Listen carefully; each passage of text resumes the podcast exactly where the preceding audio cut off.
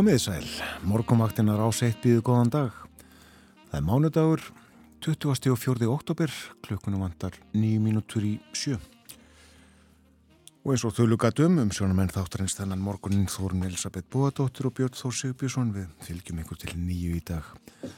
Og það er ágættis veður á landinu eins og verið hefur síðustu daga og vikur líklegast. Hægur vindur logna á óinumörgum stöðum klukkan 6 í morgun. Annar staðar hægur vindur, góla en eh, strekkingur á stórhauða í Vespanegum Fimmstega hiti í Reykjavík skúrir klukkan 6 fjóri metrar á sekundu tveggjastega hiti á Kvanneri 5 gráður í Stikisholmi létt skíjað 6 metrar. 6 stega hiti á Patrísfyrði 7 metrar á sekundu þar. Fjórastega hiti í Bólungavík nánast logg logg á Holmavík einstiks frost. Logg á Blönduósi tveggjastega frost. Þryggjastega hiti á Söðunisvita 6 metrar þar. Logg á Akureyri tveggjastega frost. Logg á Húsavík einstiks frost. Næstum því logg á Rauvaröfn 2 metrar á sekundu. Hitti við frostmark þar. Þryggjastega frost á grímstöðum á fjöllum og einstigs frost á skjaldþingstöðum, einstigs frost líka á eigilstöðum. En þryggjastega hitti á höfni Hortnafyrði, þrjár gráður líka á kvískerjum, fjórastega hitti á kirkjubæðaklaustri og sexstega hitti í Vespanegum á Stórhauða þar að segja og eins og áðsaði strekkingur og kannski rúmlega það átján metrar á sekundu og 22 metrar í mestu kviðu. Tryggjastega hitti í Árnesi og nánast logg og á hálendinu á þessum aðtugunastöðum sem við höfum á kortinu frá því klukkan 6 tveggja, þryggja, jafnvel fjárastega frost eitthvað svoleiðis og, víð, og víðast hvar hægur vindur. Svona viðraði klukkan 6 já, en uh, Horfurnar Þórun, þú kynntir þær? Já, Horfurnar uh, eru þær að það verður austanátt í dag 3-10 metrar á sekundu en 10-15 siðst á landinu. Lítilsáttar væta suð austan til og einni verstast á landinu fram eftir morgni en annars yfir litt þurft og hiti viða 1-7 stig yfir daginn. Á morgun gengur í austan og norðaustan 8-15 metra á sekundu en 13-18 siðst. Það verður viðadáli til rigning en úrkomu lítið á Norðurlandi og hiti 2-9 stig hlýjast söðvestan til. Og það bætir í úrkomu söðaustanlands eh, síðdegis á morgun. Og eh, hitastíið svipað sínist okkur næstu daga þar á eftir. Hitin á pilinu 2-7 stig á miðugudag og fymtudag sömulegis á förstudag en þá verður hitin þó í kringum frostmark norðaustanlands. Svo gert ráð fyrir því að það hlýni í veðri um næstu helgi en það er kannski ofsnemt að fara huga mikið að því bara mánudagsmorgun en þá. Já, en það sem hefur breyst síðan að við vonum hér síðast á fyrstu daginn er það að uh, veturinn er komin samkvæmt að almanakkinu. Fyrsti vetradagur var jú á lögadaginn. Þá hófst gór mánuður. En... Uh, Veðrið ekki sérstaklega vetralögt? Nei, uh, auðvitað ennþá dimt og verður næstu mánuði. en uh, ágættis viður. Og upplýsingar um hálku á vegum. Dagnar að týnast inn á vef vegagerðarinnar, það er hálka víða, förum kannski betur yfir það á eftir. En við hlustum á lag og uh, ætlum að hress okkur aðeins við uh, svona í byrjun vinuvökunar hér er Reynir Jónasson kom með nekkuna sína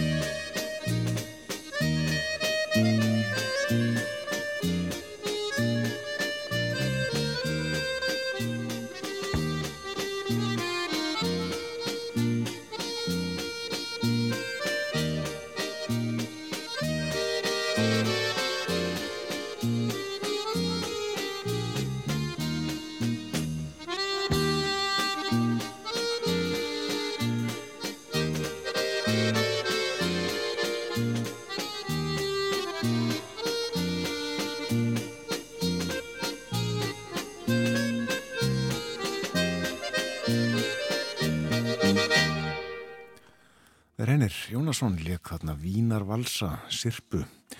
Ólaðu Gaukur útsetti. Það lýra fréttum hjá okkur á morgunvaktinni. Kanski segja frá því, Þorun Elisabeth, að uh, Boris Johnson gáði tilvísingu í gerð. Já, uh, hann tilkynnti það í gerðkvöldi að hann hefðist ekki uh, gera tilrönd til þess að verða aftur fórsættisráþara Breitlands og leðtói í Íhaldsflokksins. Og uh, þar með standaðu tvö eftir, Rishi Sunak og Penny Mordaunt og það kemur að ljósi þér í dag uh, hvort þau hafa bæði nægilegan stuðning til þess að bjóða sig fram svona formlega við fjallum um bresk stjórnmál síðar í þættinum þegar að Sigrun Davísdóttir verði með okkur. Svo eru líka á dagskráni flottamannamál og uh, sagan en fyrst leipum við að fréttum.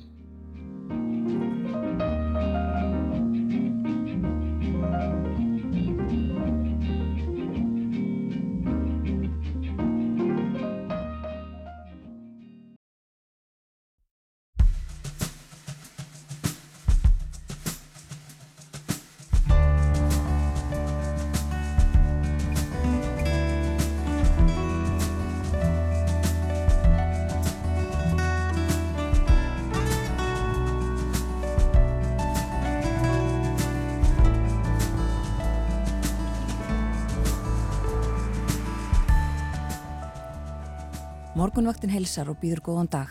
Í dag er mánudagurinn 24. oktober. Málefni og móttaka flóttamanna er ofalega á bögi hér og annar staðar nú um stundir. Ástæðan er ekki síst sá stóri hópur fólks frá Úkrænu sem leitað hefur skjólsundan hernaði rúsa og einnig svo staðar endað fyrir alþingi líkur til að dónsmálar á þeirra að breytingum á lögum um flóttamenn. En hvernig ber ríkjum að taka á málum samkvæmt alþjóðasamningum og uppfyllu við vel skuldbindingar í þeim efnum? Er líklegt að fólk sem hingað flýr vegna stríðs í heimalandinu setjist hér að til frambúðar? Eru Íslandingar almennt fúsir til að veita fólki á flóta hæli? Allir viðar Torstensen, sviðstjóri Alþjóðasviðs Rauðakrossins kemur til okkar hálf átt á ræður um þessi mál. Á næstu klukkustundum kemur í ljós hvort Rishi Sunak verður sjálf kjörinn næsti leðtogi breska íhaldsflokksins og forsættisráþurra Breitlands eða hvort Penny Mordaunt verður líka í baróttunni. Boris Johnson sem var leðtogi flokksins þangu til í síðasta mánuði tilkynnti í gerðkvöldi að hann myndi ekki reyna við forsættisráþurra stólin á ný í byli og breytar fá því þriðja forsættisráþurran á tveimur mánuðum Sigrún Davísdóttir kemur til okkar eftir morgunfrettir klukkan átta og fer yfir stöðuna í breskum stjórnmálum. Og svo er það sagan. Upp úr 1850 var mikil gerjun í íslensku þjóðlífi og er varðaði stöðu landsins í samfélagi þjóðana. Árnins Nævar, fjölmélamaður og sakfræðingur hefur skrifað bók sem varpar nýju ljósi á söguna. Hún er um dýrafjörðamálið sem svo er nefnt en undirliggur skipan Íslands í ríkja skipula í Evrópu. Árna kemur til okkar hálf nýju og segir frá. Umsjón með morgunvaktinni hafa Björn Þór Sjöbjörnsson og Þórun Elisabeth Bóðdóttir.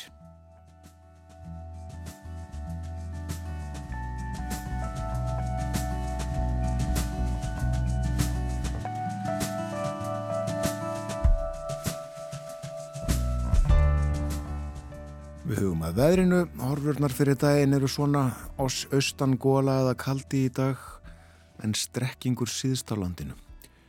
Lítilsáttar væta suðaustan til, einnig vestast fram eftir morgni en yfirleitt þurft í öðrum landslutum og hitti í dag 1-7 stig. Það er hálka víða á heiðum og fjallvegum. Það eru hálkublettir efst á byrst Biskupstungnabraut til að mynda, einnig á Lagsártalsheiði, víða á fjallugum á vestfjörðum og sömuleiðis á norðausturlandi og líka á heiðunum á austurlandi. Gróft hjá okkur hálku yfir litið þennan morgunin. En við lítum í blöðin, auðvitað þessi erlendu og þá ekki síst bresku, en byrjum á morgunblæðinu og vil fyrst nefna að hún er einstaklega fallið fossíðu myndblaðsins í dag. Og stór auðvita tekin uh, við skjálfanda í fyrir nótt og má sjá þarna norðurljós sem að dönsuðu þar yfir eins og þau hefa gert víða um land síðustu daga, ekki síst í gerðkvöldi við Vestubænum í Reykjavík. En uh, þarna má sjá líka nokkur hross beit og uh, þau létu nú norðurljósin fegurðina á himlinum ekki tröfla sig. Og blæði minnir á það að uh, vetur konungur er gengin í garð gekk í garðum helgina eins og sagtir svo er hérna sagt frá nýri talningu eða endurskilgrinningu eða ég veit ekki hvað við um að segja útskýringu kannski öllu heldur frá landsbítalunum nýju minnisblæði sem að tekja yfir í saman. Þannig er að uh, síðustu mánuði, ég vil misseri fór fram mikil umræða um starfsfólk á landsbítalunum og uh, hver mikið hafi fjölgað á skrifstofinni snar fjölgað starfsmönnum framkvæmdastjórnar hjúkrunar og lækninga. Þetta er semst einhver kjarni í skipulæðinu og spítalunum kjarni framkvæmdastjórnar hjúkrunar og lækninga. Það er fjölgar þar um umlega 700 manns eða stöðugildi. Og uh, margir uh, greipu í þetta og svo að þarna væri nú eitthvað stórkvöld að þetta væri meirið að minna allt saman skrifstofufólk sem að skipaði þessar nýju stöður á spítalunum en uh, aðrir heldur nú ekki og það var kafað ofan í málið og kemur í ljós að uh, breytum starfsheiti á kandidatum sem verið höfðu áður. Og þeir feldir undir þetta svið. Og eins og segir sem sagt núna fyrir sökk morgulblæðsins nýju af hverjum tíu nýjum störfum í flokki klíniskra og fregnir af útþenslu skrifstofu starfsemi stórlega yktar. Þannig að málið horfi nú öruvísi við líklega. Ég man ekki betur en að, að uh, nýr formaður stjórnarlandsbítalans hafi lagt út af þessu, þessari skráningu eða talningu á sínum tíma og sagt að þurfti að laga þarna til, væri tækifærið þarna og þetta er núna komið í ljósum sín. Og við heyrðum aðeins af bræskublöðunum í frettunum hér áðan, frettunum klukkan sjö, en það er umf eru umfjallanir um uh, stjórnmálinn allstaðar í bræskum fjölmjölum. Uh, það kemur í ljós í dag hvort að uh, Rissi Súnak verður einn í kjöri til leðtóa íhaldsflokksins og þar með forsættis ráð þeirra eða hvort að Penny Mordaunt nær uh, að tryggja sér stuðning nægilega margra þingmanna til þess að vera líka í kjöri. Uh, þau þurfa að fá ofinbjörn stuðning hundrað þingmanna til þess að uh, halda áfram. Ef að bæði ná því að þá verður farið til almennra flokksmanna í íhaldsflokknum aftur og þeir bænir um að skera úr um það hvort þeirra eigi að vera næsti leðtögi. Gerðkvöldi uh, tilkynnti Boris Jónsson fyrirverandi fórsettisáð þeirra að hann myndi ekki sækjast eftir uh, leðtóa sætinu. Fórsettisáð þeirra ennbættinu uh, sem hann hætti í í síðasta mánuði. Þó hann hafi tilkynnt um það nokkru fyrr. Hann sagðist vera með stuðningin sem þyrsti til sagðist fullvissum að hann gæti verið í rauninni rétti maðurinn til þess að gera þetta allt saman en tímasetningin væri bara ekki rétt. Það væri ekki rétti tímin og hann, uh, það þyrti að samina íhaldsflokkin. Ímsar efasendur um það hvort að hann hafi í raun og veru verið með uh, stuðning nægilega margra.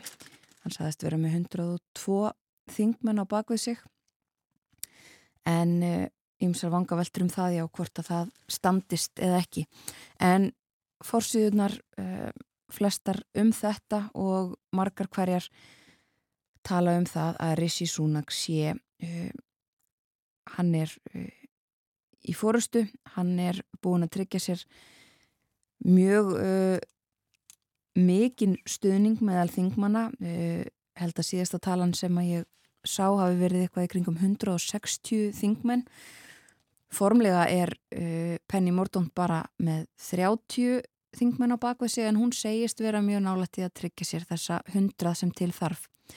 Við tölum meira um bresk stjórnmál hér á eftir þegar að Sigrún Davísdóttir verði með okkur. Um, örlítið frá bandaríkjunum.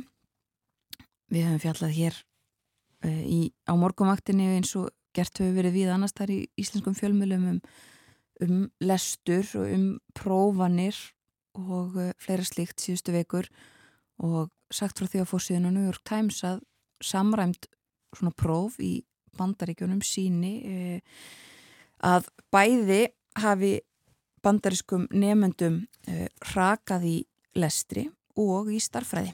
Þetta er svo satt tölur sem er verið að gefa út í dag og talaðu um að þetta séu merki um slæm áhrif COVID-19 faraldursins sem að þarna byrtist. Og eh, örlítið frá Danmörku, það er fjallaðum helbriðismálin eh, eins og verið hefur víða síðustu vikur í aðdraðanda kostninga eh, og svo líka, ætla ég að nefna það á fórsíðun á politíkan, þá er sagt frá því að stjórnmálamenn séu tilbúinir til þess að auka eftirlit með hafsbótni í kringum Danmörku. Og þetta er auðvitað tengslum við þessar eh, skemdir sem að unnar voru á Nord Stream gasleðslunum fyrir skömmu.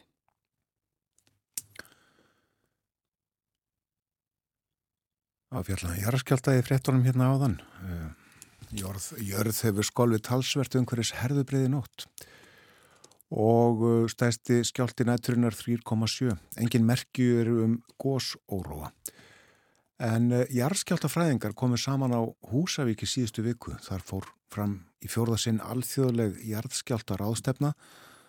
Hún er nefnd Northquake, Norður skjálti. Ágúst Ólarsson fréttamaður fyldist með ráðstefninu og rétti stutlega við tvo jarðskjáltafræðinga, þau Kristínu Jónsdóttur, hópstjóra náttúruvár á Viðstofu Íslands og Sigur Jón Jónsson, hann er profesor í jarðæðlisfræði við tekniháskóla Abdullah konungs í Sáti-Arabíu. Skulum heyra fyrst uh, spjall við Sigurjón. Eh, Sigurjón, uh, þið eru hér á Húsavík, er að hittast hér og hafið hýst áður hér. Uh, af hverju hér?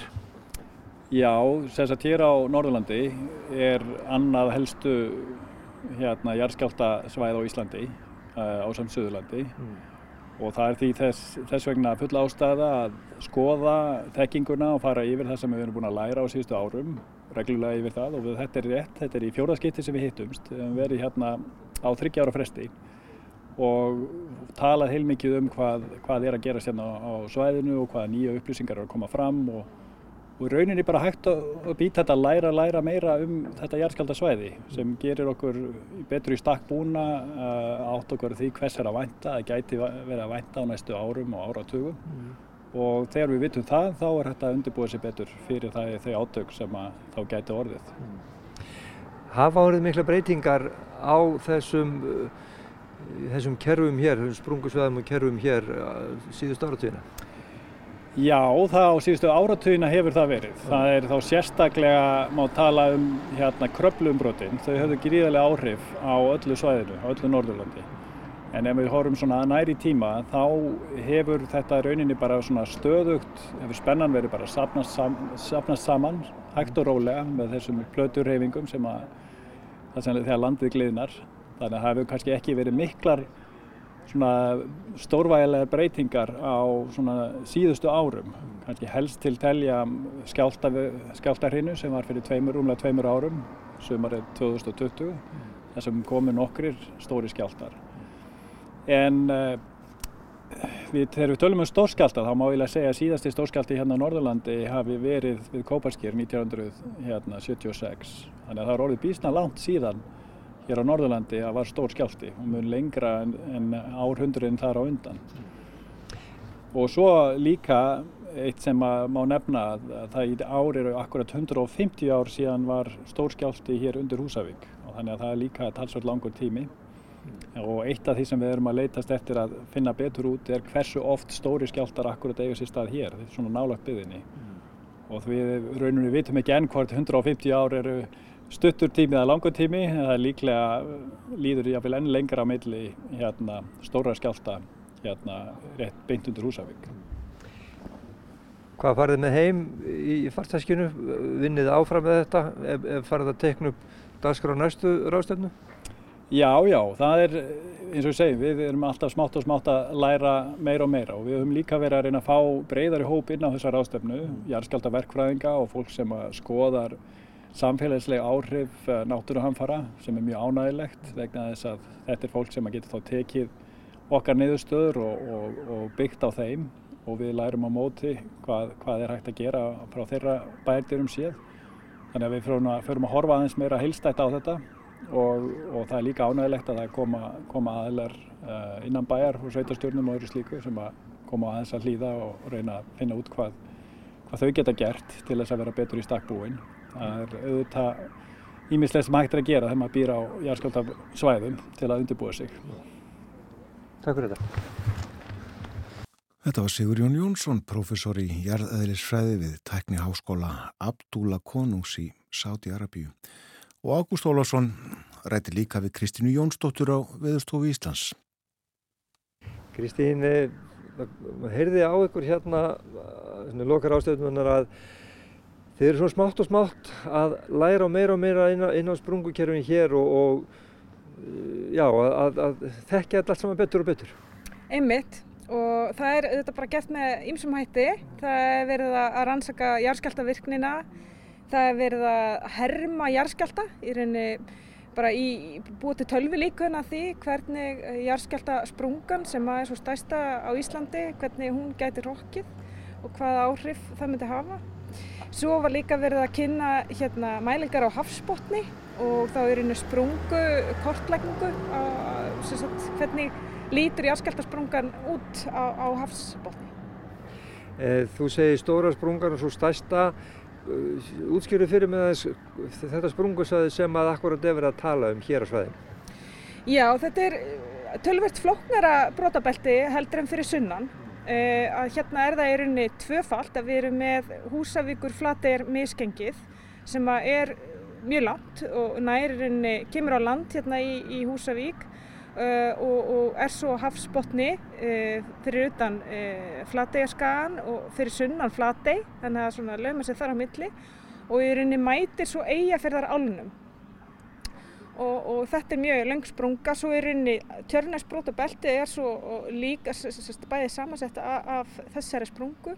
Og belti sem að, sem að liggur í rauninni frá Öksafyrði og, og norður fyrir Grímsæ og, og, og þar norður eftir. Og það, er, það belti er heldur líkara sko Reykjaneskaganum að þar eru við bæði með eldstöðar á hafsbótni og líka jærskeldarsprungur. Þetta er að stóru hluta hafsbótni og þið eruð að svona vilji fylgjast með og það eru mælað hér og þar. Hvað flækir það málið að eh, stærstu hlutu að þessu sprungukjöru vera hafsbótni? Já, það auðvitað flækir málinn heil mikið af því að á Suðurlandi þá getum við verið með járskjáltamælana bara alveg allt um, í kringum uh, sjálf sprungunar uh, á meðan að hér þá erum við með mælana sko á landi uh, þannig að sprungan og sprungukerfið það er unni liggur fyrir utan neti getur við sagt við erum með einn mæli, einn járskjáltamæli og, og líka aflöfunumæli í, í Grímsey En þetta auðvitað takmarkar uh, okkar möguleika og það rauninni, kemur inn það bæði óvissa og, og í rauninni líka bara næmni á því hvernig við, hvernig við mælum járskjálta þarna. Er hægt að setja járskjáltamæla á hafsbótn og, og stendur það til? Viljið þið það? Já, við viljum það gerðnan. Eh, það kostar pening, þetta eru dýr tæki og þess vegna hefur ekki verið ráðast í það. E, en, en það væri mjög áhugavert að gera það til þess að geta í rauninni fengið herri, herri upplaust, til þess að geta að sé betur hvar skjáltanir eru og, og hvers aðlist þeir eru og fylgst betur með þessu.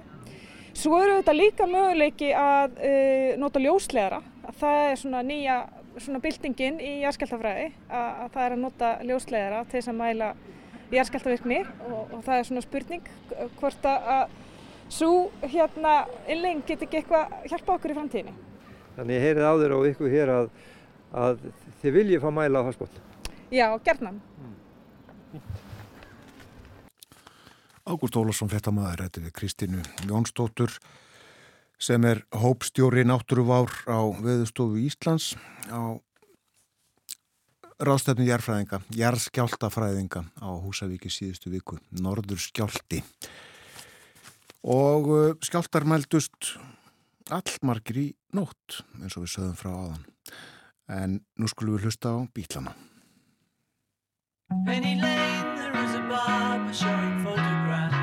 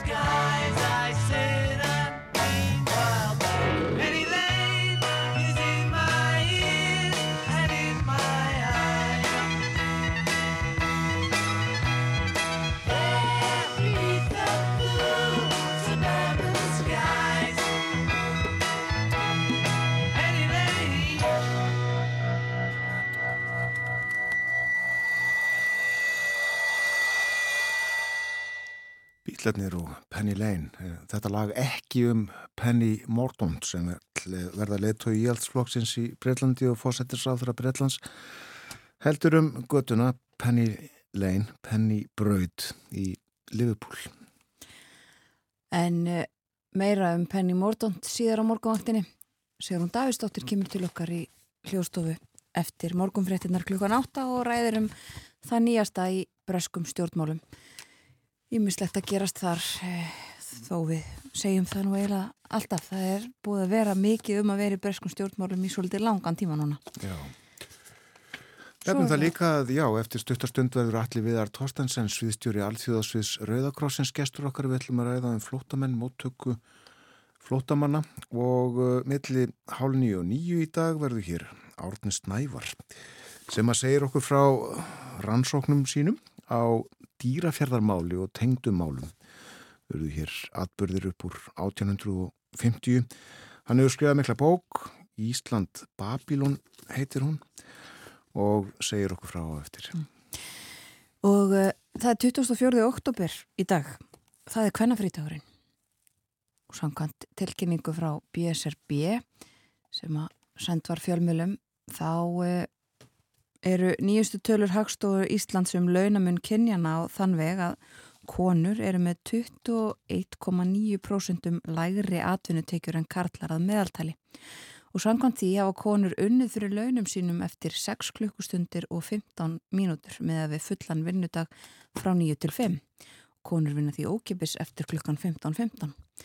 Ég held nú reyndar að það væri búið að stitta þennan 8 klukkustundar vinnudag svona hjá allavega mörgum innan BSRB örlítið færri mínútur í honum eftir stittingu vinnuvökunar. En hvenna frítagurinn á? Já. Og þú hér?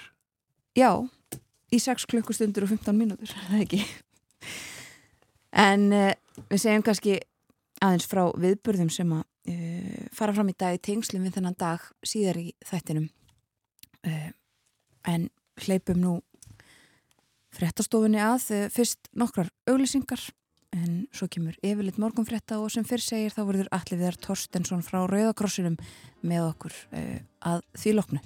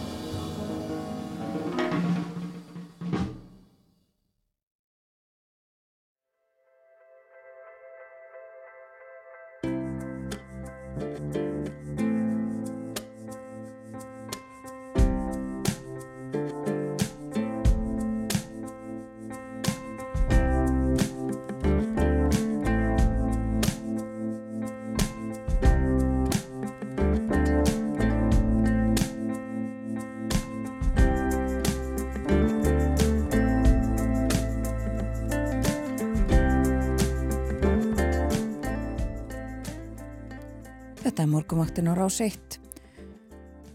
Fretta yfirleita baki, klukkan orðin rúmlega halv átta og það er mánudagur í dag komin 24. oktober fyrir þau sem voru að vakna. Veðurhorfur á landinu í dag, austan 3 til 10 metrar á sekundu en 10 til 15 siðst. Lítilsáttar væta söðaustan til og einnig vestast á landinu fram eftir mórni en það verður yfirleitt þurft í öðrum landslutum og hiti víða á bylinu 1 til 7 stig yfir daginn. Á morgun gengur í austan og norðaustan 8 til 15 metra á sekundu og kvassara seðist 13 til 18 metrar á sekundu. Það verður víðadáli til rigning en þurftakalla á norður og norðvestur landi.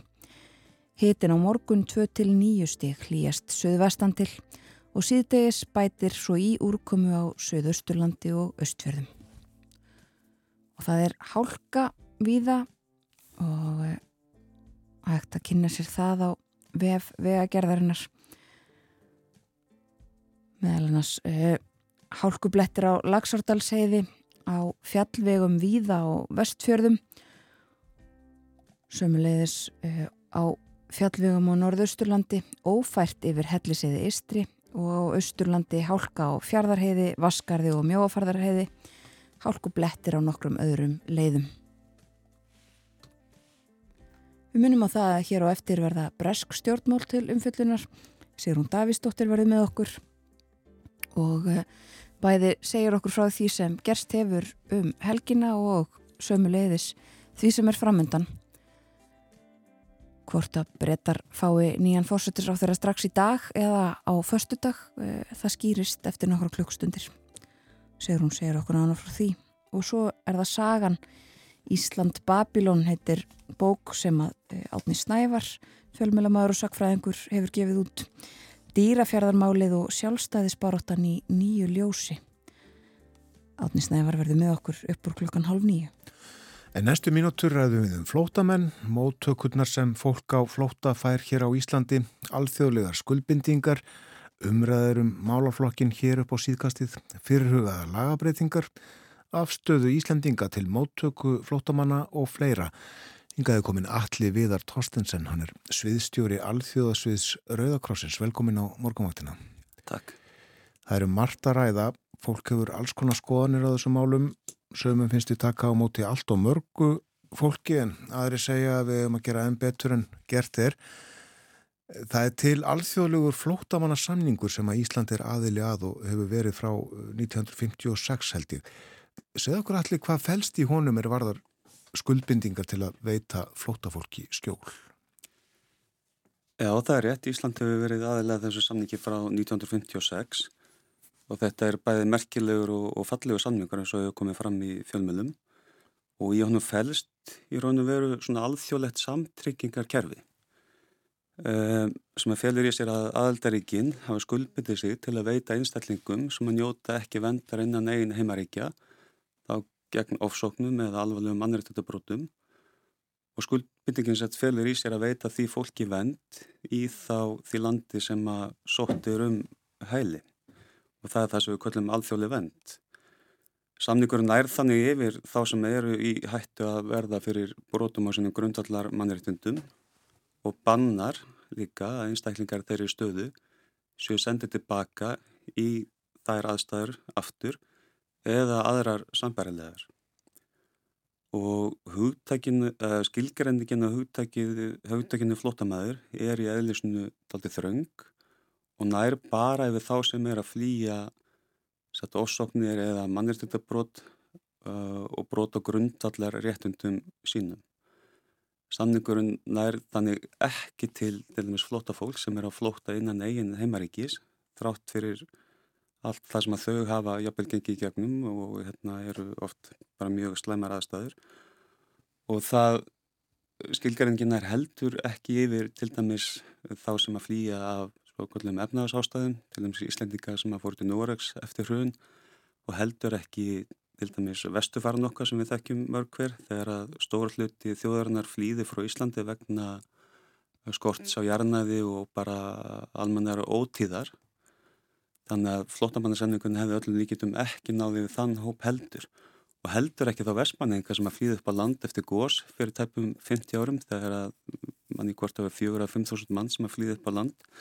Þannig að flótamannasendingun nær bara yfir þá sem er að flýja þessi alvarlegustu brot og í dag eru þetta því miður um, flótt fólk svona í breyðri merkingu þess orðs, líka þeir sem eru á flótt innan, innan landamæra eru 100 miljónir en þeir sem að uppfylla skilirinn skilgræningunni er í kringum 40 miljónir manna sem er alveg ofsalega hátala og þessi tala hefur ekki verið herri bara held ég frá því í, í setni heimstyrjöld En uh, af þessum 100 miljónum uh, já, þá kemur bara brot til Evrópu ekki satt? Jú, það er satt. Um, 85% flóta fólks leitar í nágrannar ekki sín sem oft eru fátæk, uh, jafnveg styrýðstyrjáð með veika innviði.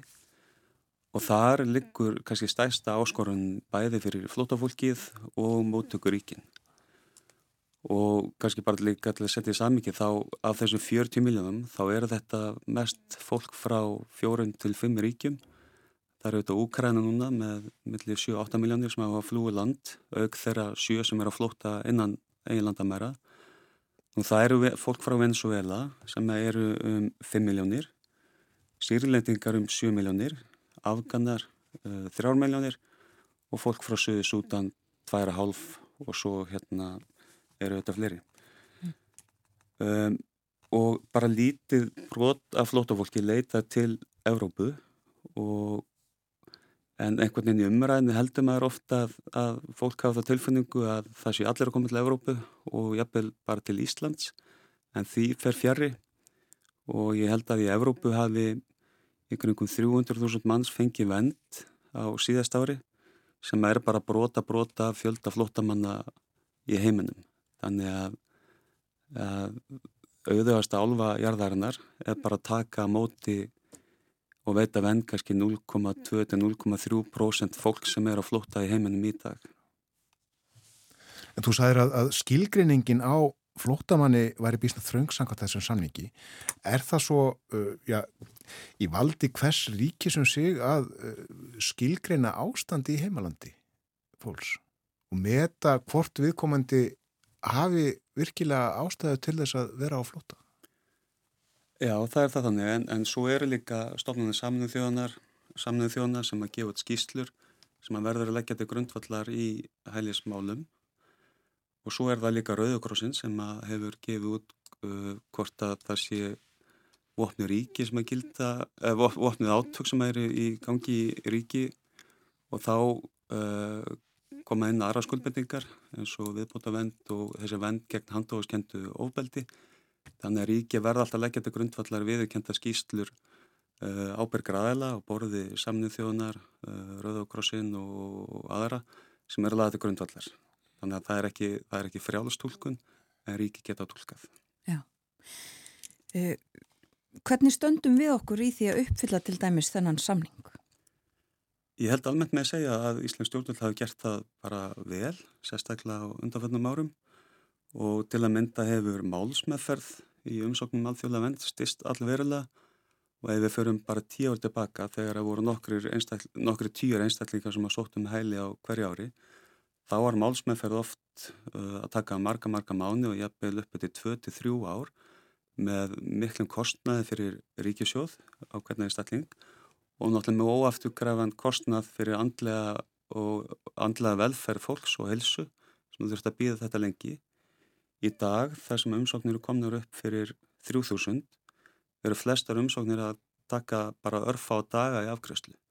Þannig að hér hefur verið mikið, unni mikið og gott starfi að, að gera kerfið kerfi skilvist bæði fyrir stjórnvöld og þetta skattborgara en ekki síst fyrir fólki sjálft sem að þarf þá ekki býða lengi eftir því að fá niðurstuði í sett mál. Og það er ósalega mikil framför. Já, uh, þannig að fólk veit það bara örfáum dögum eða vikum eftir að það kemur ynga í flestum tilvægum að hvort að það fær að vera hérna áfram eða ekki. Já, að því að samsetningin er svona núna, það er Já. flestar að koma frá Úgrænu og stjórnvöld hafi gefið út að fólk frá Úgrænu fær hér vend. Sömulegist aldrei fjöldi frá Venezuela En alla jafn að hafa stjórnvöld gefið það út að markmið sé að klára hverju umsókn á innan við þrejum mánuðum mm. sem ég held að sé bara mjög viðanandi tími og ég held að það tekist bara í flestum tilfellum. Svo eh, getur þetta verið að fólk eh, sem fara neikvæðanviðstöðu kæri og þá að aftur eh, að taka innan við þrjá mánuði afgræða þær umsóknir. Mm -hmm. Það er kæris. Uh, hvernig er þetta sko þessi mál og bara móttaka flottamanna hér á Íslandi e, samanborið við löndin svona í kringum okkur? Ég held að hún sé nokkuð áþekk kannski ef við horfum til Norrlandana sérstaklega og ef við kannski lítum til þess sem að teku við eftir að fólk fær vend þá eru sveitafélögu mjög uh, inn í þessari móttöku og þessu sammeila verkefni um stjórnvalda og sveitafélag og samfélagsins alls og kannski Nóri sérstaklega eru sveitaflöðum mjög sterk og koma mjög sterkt inn og það hérna væri gaman að sjá fleiri sveitaflög koma að verkefninu inn á Íslandi. Uh, stjórnvöld og kannski með vinnumálastofnunni farabróti hafa staðið sér ofsalega vel í að finna húsnaði fyrir þá sem að sækja vend á Íslandi. En það sem að teku við það er kannski högtir pínu lítið af því að það vantar ennþá fleiri sveitaflög að borðinu og vonandi er það bara að fara að gerast að, að fleiri taka þátt í þessu stóra verkefni, mikilvæga verkefni að því að saman getum við bara lest það mjög vel. Hvernig finnst þér afstæðað Íslandinga almennt uh, vera gagvart móttöku flótufólks?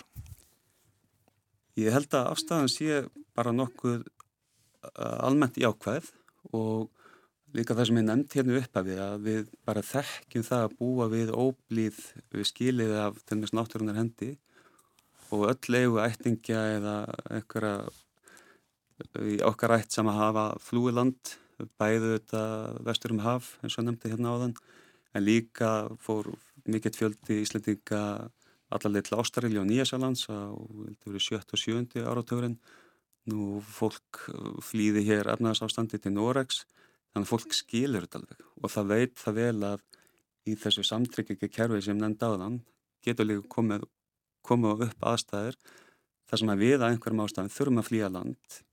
Og ég hef þá svona tilfunningun að fólk máti sér svolítið við aðstæða fólk sem er að koma hingað. Uh, sér að flóta fólk er þetta bara fólk eins og annað fólk og það eru börn og það eru draumar og vonir og allt það sem að fólk vil hafa í sínu lífi.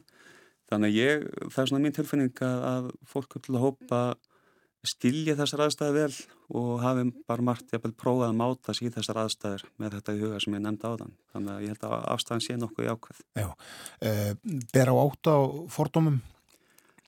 Já, já, það er alveg til í umræðin líka og það er kannski markast einhverju leiti af þeim kannski þeirri tilfinningu fólks um að Evrópa og þar með Íslands er reynlega að drukna í flótafólki sem er alls ekki tilfellið eins og ég nefndi á þann þá er flótafólk langflest bara á flóta innan eigin landamæra. Annarkot getur ekki farið yfir landamærin eða vill það ekki eða hefst við í oft flótamannubúðum í nákvæmnaríkinu og vill ekki fara lengra að fólk vil snúa tilbaka.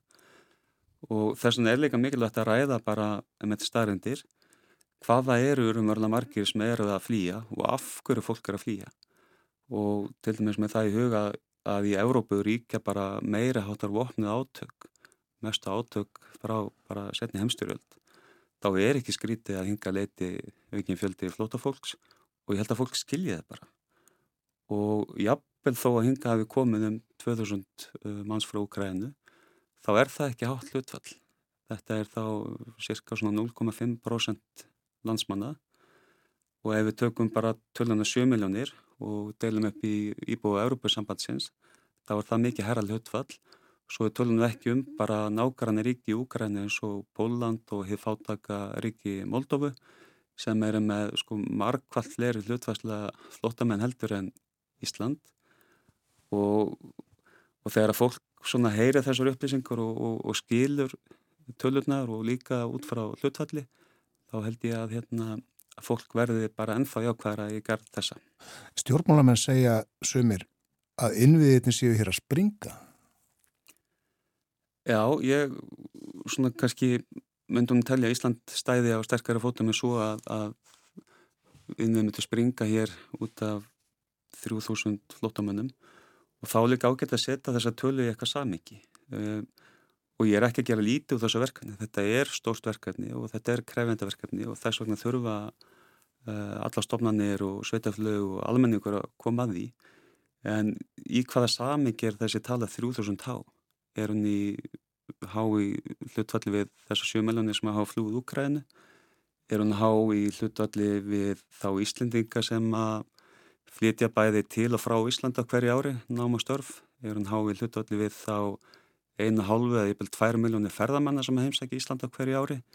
Er hún há í hlutfalli við bara og EES uh, Norrlandana sem komið hinga við námastörf þannig að ég held að sko, það þarf að setja tölur í sammyggi hugsa þær uh, á raugrættan hátt.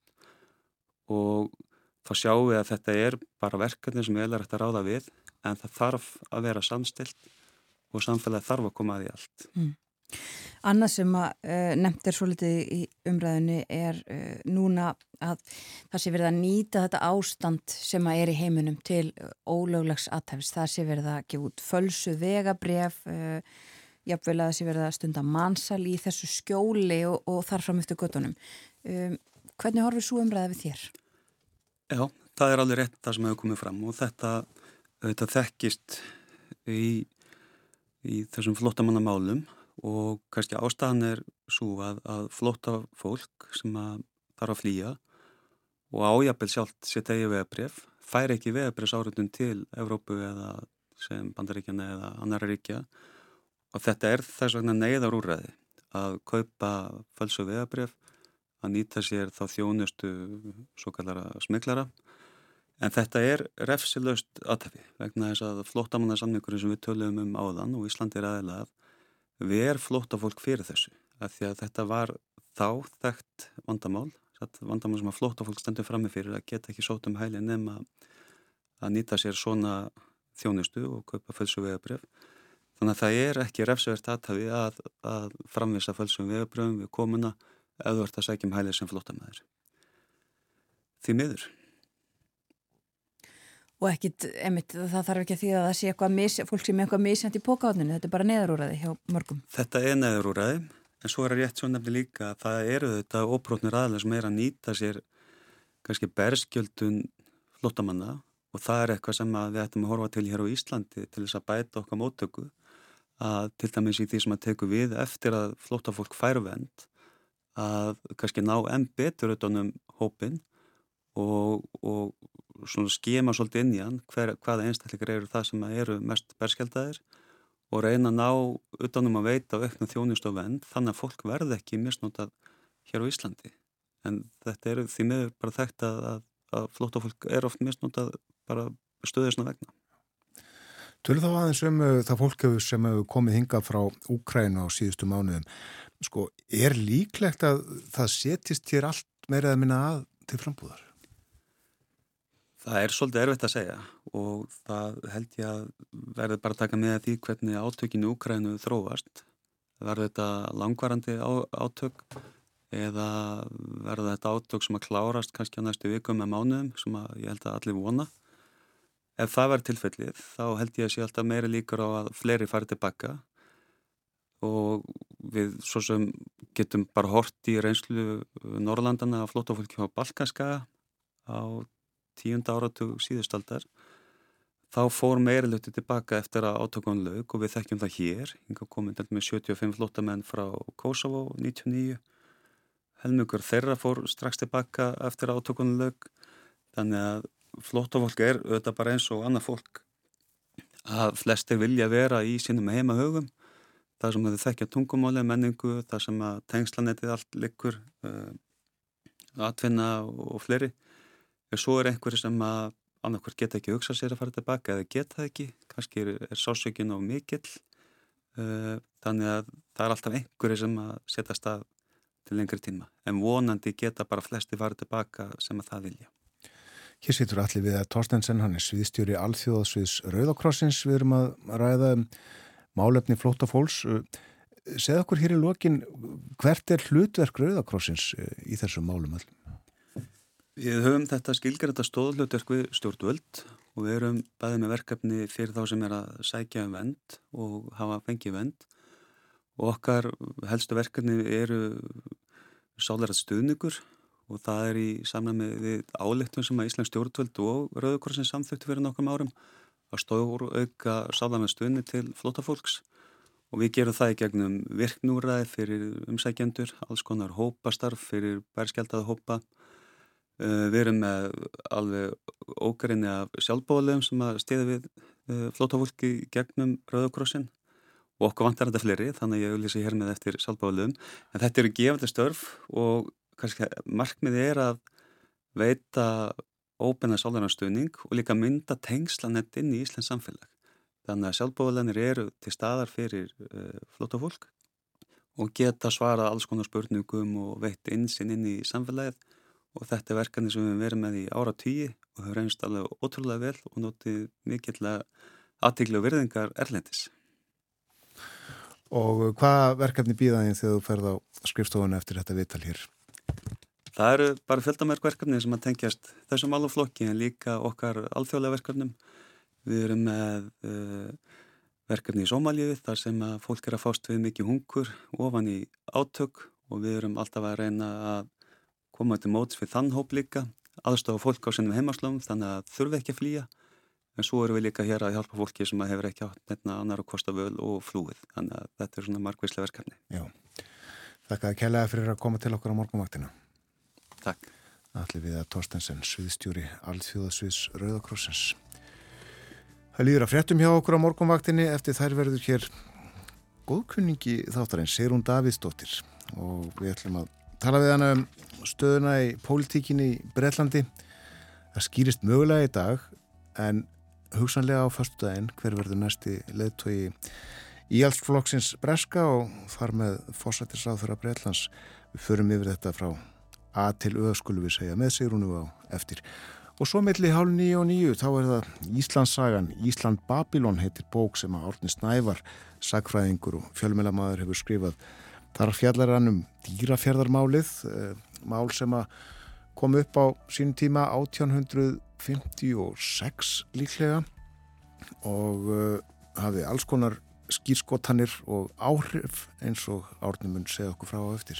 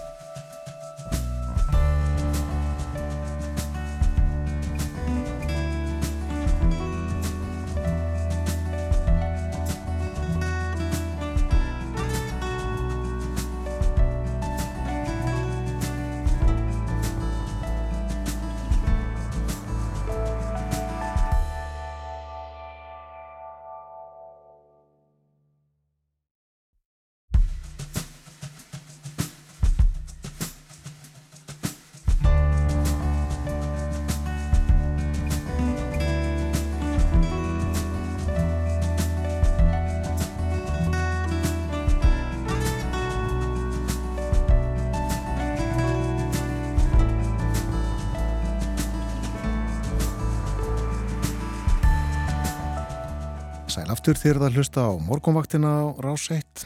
Það er mánundagur í dag, klukkan núna farin að ganga nýju. Umsjónumenn þáttarins þennan morgunin Þórun Elisabeth Bóadóttir og Björn Þór Sigbjörnsson.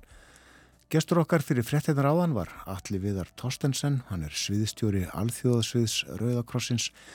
Við fjöldluðum um málefni og móttöku flótamanna, rættum þau mál vítt og breytt. Og ég vek aðtikli á að Eftir hálf nýju verður hjá okkur Árni Snævar, fjölmilamadur, sagfræðingur. Við ætlum að fjalla um söguna. Þannig er að upp úr 1850 var mikil gerjun í íslensku þjóðlífi og einnig er varðaði stöðu landsins í samfélagi þjóðana. Og Árni hefur skrifað bók sem að varpar, má segja, nýju ljósi á sögu lands og þjóðar. Hún er um dýraferðamálið sem að svo er nefnt en þar undir likur, má segja, skipan Íslands í ríkja skipula í Evrópu, hvorki meirinu minna. Meira en þetta og eftir. En nú ætlum við til Breitlands það skýrist á næstu klukkutímum hvort að eh, breytar fá í dag nýjan fórsættisráþara eða hvort að það verður síðar í vikunni uh, hvort að einn eða tvö verða í frambóði um að, uh, að verða næsti liðtói íhaldsflokksins og þar með næsti forsættisráð þeirra Breitlands sá þriðji á þessu ári og sá þriðji bara frá því sumar. Til okkar er komin eins og við sagðum áðan góðkunningi morgunvaktarinnar Sigrun Davísdóttir, velkomin á morgunvaktina. Kæra þakkir, góðan og blæsan daginn. Góðan dag, við ætlum að tala um þetta næstu mínútunar og að byrja á því, ég nefndi það þriðji forsættisráð þeirran á þessu ári og í, frá því sömar. Þingflokkur íhaldsflokksins misti trúna á Boris Johnson í sömar og það leiti til þess að Liz Truss varð flokksleiðtogi og fórsættisráð þeirra og uh, svo flög Johnson heim úr fríi um helgina, ætlaði að bjóða þessu aftur fram en hætti við í gerðkvöldi uh, þó hann segðist reyndar hafa stuðningin sem til þyrti, 102 þingmenn og uh, Ég held raunar áfram og saðist að einhverju leiti vera besti maðurinn til að sinna starfinu en hvers vegna hættan þó við? Ef markam á það sem Johnson sagði sjálfur þá hafða nægan stuðning eins og þú nefndir en það er reyndar býst að vera að gera á því að þetta sé enn eitt dæmi um svona heldur lausleg tengsl eh, Johnsons við sannleikan. Hann hafi alls ekki haft nægan stuðning. Það hefur verið uh, talað um 60 þingmenn og verið nefnt 60 nöfn sem hafi, hann hafi haft í hendi. Uh, og ef ríndir í tölutnar þá er erfitt að koma því heim og saman að uh, það eru sem sagt 357 íhalsþingmenn og, og svo því sem er vitað um stuðning. En aftur að því sem að Johnson sæði sjálfur nýrleitói þarf flokkina baki sér hann reyndi að tala við eða tala mút frambjöðundar uh, Penny Mordaunt og Rísi Súnak til en hann náðu ekki samkominnlagi og þá hætti hann við. Já. Hann horfið fram á það að hann einfallega næði þessu ekki hvað sem hann segir annars. Akkurat og það verða þá væntanlega tveir frambjöðundur eða hvað? Súnag, ferum fjármálrað þeirra er, uh, Rísi Súnag er, eh, er ljóslega á blúsandi færð, hann er komið yfir 100, uh, já, það hefur verið talað um 179 þingmenn í gerðkvöldi, tæplega, já, þetta er svona farðan algast 200 af þessum uh, 257, 357 þingmennum sem er íhalsþingmennum. Nú, Penny Mordaunt er líklega ekki ekki komin yfir hundrað, það hefur verið talað um svona 30 kannski, eh, hún gæti hugsalega fengið einhverja af stuðningsmönnum Johnsons, eh, einhverja sem að geta alls ekki hugsað að stiðja Súnag.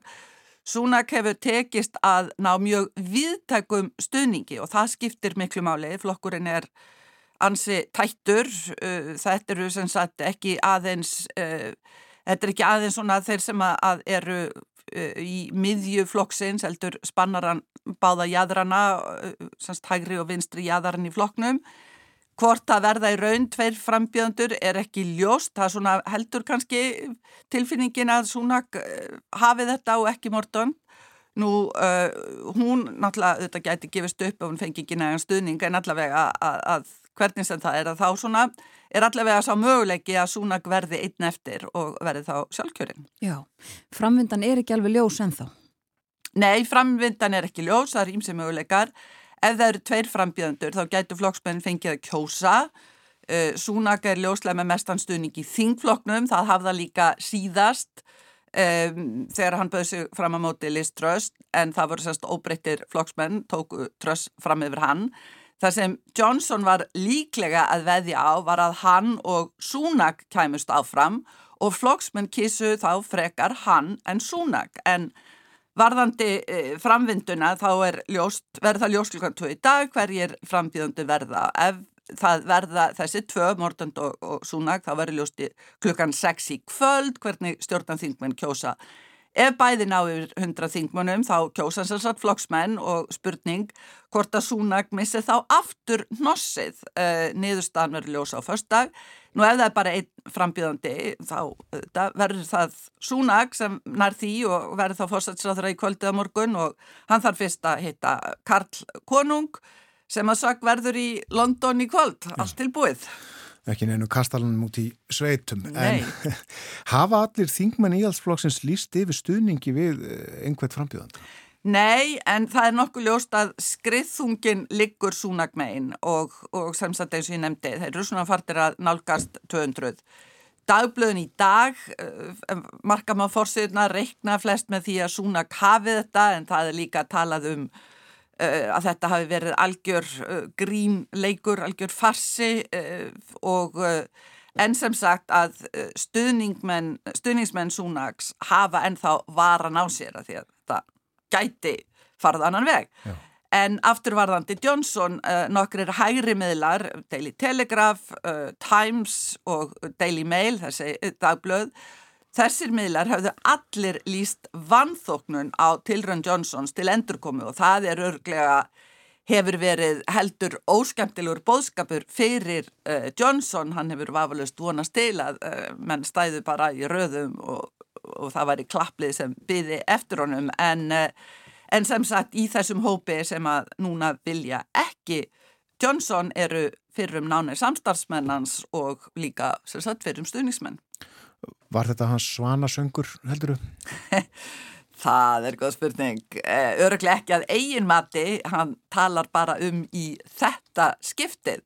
Þannig að það er eins og stefni á endur komið síðar. Ég held að tíminn vinnir nú ekki með honum. Það er erfitt að ímynda sér að þetta sé raunsætt mat. En hann hefur auðvitað, eh, já, klappliði kringum sig sem að klárlega hvetur hann áfram.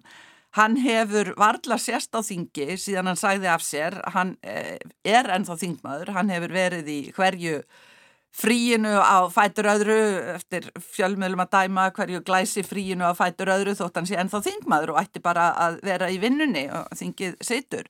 Hann er eiginlega kannski búin að svíkja of marga of oft, hann er búin að segja ósatt of oft fullurðingar, um, fullurðingar hans uh, sjálfs um að hann hafi lært af reynslunni hljóma einhvern veginn ekki sannfarandi og svo í viðbót hann sætir þingransókn fyrir að ljúa þinginu og svo hugmynd að meðan svo rannsókn er í gangi að þá væri hann besti kosturinn stens tæplega þá ósk uh, sem að er mjög almenn útbreyt að það náist einhver pólitísk ró og stöðleiki. Já, já. já á í, hvað sæður á hann, mjög svona lauslegu sambandi við sannleikan. Já, já, samband hans og sannleikans hafa verið heldur uh, losaraleg. Já, uh, við nefndum Penny Mordónt uh, sem er annar þessara frambjóðanda, hún var líka í, í frambúði í sömar, Já. náði ekki í, í síðustu tvo uh, þar en og þú nefndir það líka áðan, hún er svona hægra megin í floknum um, en getur þú sagt okkur eitthvað aðeins meira frá henni?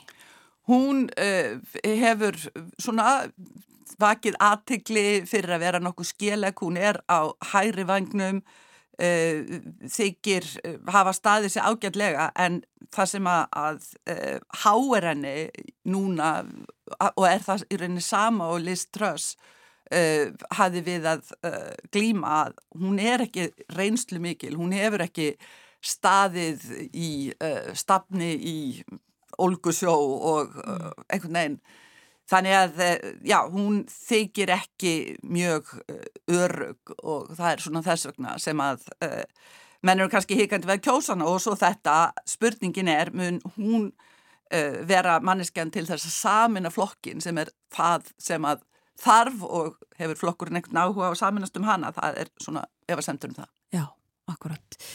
E, það er alveg ljósta að Liz Truss tókst ekki að samina flokkin. E, þetta voru 45 dagar sem að hún satt e, og að fara aðeins aftur í það. Nú eru nokkru dagar liðnir, eru breskir fjölmilar farinir að greina það eitthvað frekar. Hvers vegna allt súrnaði svona afskaplega hratt hjá henni? Já, það er, hafa svo sem verið ímsar útæktir af því, þá, það er kannski tóltið skoldið, rauninni gerður ekki mikið annað en að standa við kostingalofurðin sem að, lofurðin sem að hún uh, kom fram með þegar hún var sem sagt að berjast gegn Súnak í sumar. Lofur sem að Súnak sagði að leiti til nákvæmlega þess sem svo gerðist. Pundi myndi hrinja og það er þið olga fjármálumörkuð með tilirandi vaksta hækkunum húsnæðislána en hún bætti svona heldur betur um og, og gekk lengra en hún hafði lofað varðandi skattalækkanir. Já, getur þú farið aðeins nánar út í þetta sem hún gerði? Þetta byrjaði með fjárlagapakka sem að fjármálaráþarann Kvasi Kvarteng lagði fram, lísti skattalækkunum sem ekki virtist innistæða fyrir, gekk lengra en búist var við og í viðbót við að það væri þessar ó, þessi ókostuðu, þessar, þessi ókostaða áallun þá gaf hann óháðri eftirlitstofnunum ríkisfjármál frí og það er sagt, þessi stofnun sem heitir Office for Budget Responsibility. Og venjan er að þessi stofnun uh, gefur skýrslu um efnaðsraðstafun í stjórnarnar og þau kvarteng og tröss uh, afþökkuðu það pent sem að var heldur óvillegt því að þá fórum henni að hugsa já ok, þau ætla bara að gera eitthvað sem að þeim sínist og, og þetta er einhver svona töfra fjármál sem að, að enginn um, ekkert matværi á og þar við bætti svo að hvart einn uh, leta vera sitt fyrsta verk að reka ráðneitistjóran sinn sem var mikill uh, reynslubolti. Í viðbót uh, var Tröss svona búin að láta í veðri vaka að stjórnin myndi kannski breyta regluverki Englandsbanka, það er Sælabankans og Allt þetta orsakaði algjör óvissu á fjármálumörkum og menn spurði sig hvað væri eiginlega í vandum og hvaða fólk þetta væri sem væri þarna við stjórn. Já, tölum að þessum markaðin, ég vilja meina að það hefur raun verið markaðurinn, fjármálamarkaðurinn sem að rakti listróss frá. Já, uh, það auðvitað má segja það og menn er þá að velta fyrir sér hvers konar líðræðir það sem að uh, fjármálamarkaðir uh, velja og, og hafna fórsætsráðra en það má líka líta það þannig að breska stjórnin eins og alla stjórnir, hún fjármagnar sig annars vegar með skottum uh, og hins vegar með lánum. Ef ríkistjórn þarf uh, lán þá leitar hún til fjármáramarkaðarins og þá er þetta lánastofnan er ekkit annað en lánadrottin fyrir ríkistjórnina og ef ríkistjórn gerir eitthvað svo galið að þessi lánadrottin hugsa með sér, þetta er allt svo áhættusamt og óklárt að við þurfum að rukka þessa stjórn meira en áður vegna áhættun og þá þarf ríkið að borga meira fyrir lánið. Og eh, meni, þetta er alveg sama fyrir þannig séð fyrir einstaklinga. Þetta gerist yðurlega í London sem búa við óstöðut stjórnafar og enginn tekur neitt sérstaklega eftir því hvað er að gerast í Argentínu eða Venezuela eða nema svona þeir sem að spá sérstaklega í það. En Það er daldi annar mál þegar þetta gerist í Breitlandi, uh, rótgrónu ríki, má segja, vestranríki og eiginlega algjört með en þetta var það sem Tröss gerði. Hún gerði markaðina svo skjelda að pundi fjall og lánakjör ríkisins snarvestnuð. Og Englandsbanki þurfti að, að grípa til aðgerða, Sælabanki Englands. Já og það er líka nokkuð einstætt í þróðuríki að Sælabanki þurfi að grípa til sinna ráða sem, sem satt í þessu tilfelli var að kaupa ríkis skuldabref af lífeyrisjóðum. Eh, það var engin annar til að kaupa þessi ríkisskuldabref, allt í óvissu og klárheitum. Þannig að, að, að, að uh, lífeyrisjóðunir hefðu handbært reyðu fyrir og þetta er allt frekargalið og algjörlega einstakt og uh, áöruglega eftir að verða rýnt mjög í svona þegar að, að, þegar að framlýða stundir. Þetta var sem sagt í stuttumáli staðan sem Trösk kom sér í. Hún reyndi svo að lappa upp á stöðuna með því að reka kvarteng sem að vera freka sérkjænlegt að vera rekin fyrir að gera það sem að fórsætsráðara nákvæmlega vildi en já, hún sem sagt reyndi að bjarga sér með þessu. Já, og það tókst ekki. Nei, það tókst ekki. Hún gafst upp, uh, Tröss hefði sennilega getað þráast við, Jónsson var búin að gera það áður en hún hefur kannski ekki sömu stáltögarnar og hann og, og kannski orðin minni þólinnmæði í þingfloknum fyrir því að einhver sæti þarna og þráaðist við. Nú þegar hún hjælt blagamannafund til að tilkynna afsök kvartengs eh, þá virtist hún ótrúlega ráðvilt eftir að lesa stutta yfirlýsingu, hún bauði på spurningar frá blagamannum, tók svo fjóra spurningar og stökk það út. Eh, það eru svona einhverja sögursagnar um að hún hafi verið alveg við það að bresti grátt. Mm. Um, henni tókst illa upp í öllum samskiptu við frettamenn, virtist hafa svona um það byl fjögur svör uh, á takthennum, það var alveg sama hverja spurningarna voru svo já, hún gafst upp og þannig að þó hún hefði verið ráðþara, til dæmis utaríkisráðþara, þá virtist hún viðvanningur og eins og ég sagði, það er líka eina ástæðan fyrir því að þingmenn vilja kannski einhvert vanari en mordond Súnak hefur reyndar átt sín erfiðu augnablík þegar hann var uh, fjármálráðþara en, en allavega meiri reynslubólti. Og, og þetta segjum tröss og hún er ekkert sérstaklega vel læsa á hvorki sjálfa sig nýja bress samfélag og allra síst markaðina. Það er mjög, það er alveg nákvæmlega það sem en er. Við gerum ekki lítið úr uh, þessu mikla efnaðasvanda sem er í Breitlandi. Uh, þau reyna að kljást við þetta með sínum hætti í íaldsfloknum en hvað með verkamannaflokkin, hinn stóra flokkin í breskri pólitík. Hefur hann sett fram einhverjar trúverðurar tillögur í efnarsmálum? Ekki neinar heilstæðar tillögur. Hann stæri sig að því að stjórnin hafi undarfarið tekið miða výmsu sem verkamannaflokkurinn hefur sett fram. Verkamannaflokkurinn segist ekki ætla að setja fram neinar heilstæðar tillögur fyrir hann kemur á kostningum. Annars var ekki kostnaði. Nú, Pítur Mandelsson, uh, reynslubolti uh, frá árum uh, Tony Blairs fyrir um ráð þeirra skrifar í dag að flokkurinn þurfi að sína dirfsku setja fram róttakar hugmyndir, hann er þó ekki að tala um róttakar hugmyndir til vinstri, heldur svona nýjung og dyrsku, Kýr Starmer eh, leittói verkamannaflokksins þykir svolítið mikið varkár. Mm. Hvað sína skoðanakannanir núna varandi fylgjaflokkana? Alveg frá því nokkuð snemma árinu, þar að segja alveg frá því Johnson var þarna, þá var verkamannaflokkurinn komið með marktækt forskot á íhalsflokkin og munurinn hefur slegið öll með undanfarið. Íhalsflokkurinn er með uh, eh, 21% af fylgi, verkamannaflokkurinn 54% sem er algjört met og það þýtti að íhalsflokkurinn nánast þurkaðist út. Það er engið sem býst við að þetta er endilega útkoman í kostningum en, en það er nokkuð ósennlegt en allavega líka ósennlegt að íhalsflokkurinn náðu sér almenna á stryk fyrir næstu kostningar. Já, myndi þetta breytast ef að Súnak tæki við stjórnutímanum? Það breytti stöðunni en alveg öruglega en kannski tæplega nógu fljótt og, og, og, já, og tæplega nóg fylgisreifingar í einmenniskjördamarkerfi eru yfirleitt hægar, það er erfitt til flokka jafna svona með. Nú í óreðinu undanfarið hefur íhalsflokkurinn glata því sem hann stærði sig helst af í ára tugi. Þetta að enginn gæti stýrt efnarsmálunum jafnvel og hann, Súnag var með nokkuð raunsa í efnagstefnu sjóaður sem fjármálaráð þeirra en uh, já, það uh, öruglega betri útkoma og hann er klárlega skásti, skásti kosturinn. Mm.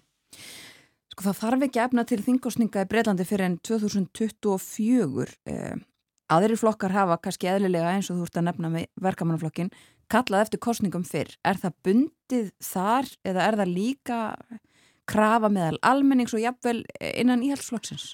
Stjórnarnarstaðan hefði auðvitað ekkert á mótu kostningum og vildi koma á stöðuleika með nýri stjórn í kjálfar kostninga, það er það sem þeir bjóð upp á. Nú almenningur vil líklega helst sjá einhvern stöðuleika og einhver fast stjórnartök, það er búið að vera svona rótleysi undan farin misseri. Þannig að kannski ekki mikið löngun í kostningabaróttu og læti.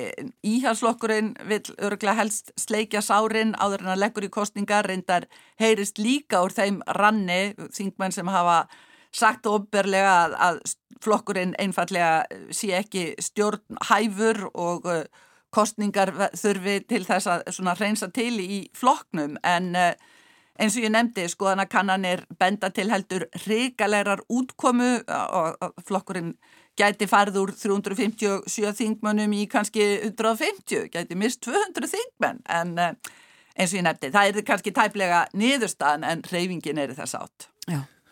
Eh, að lókum sér hún, þú sagði það að eh, Karl Konungur er í London í kvöld. Getur hann eitthvað gert í þessari stuð?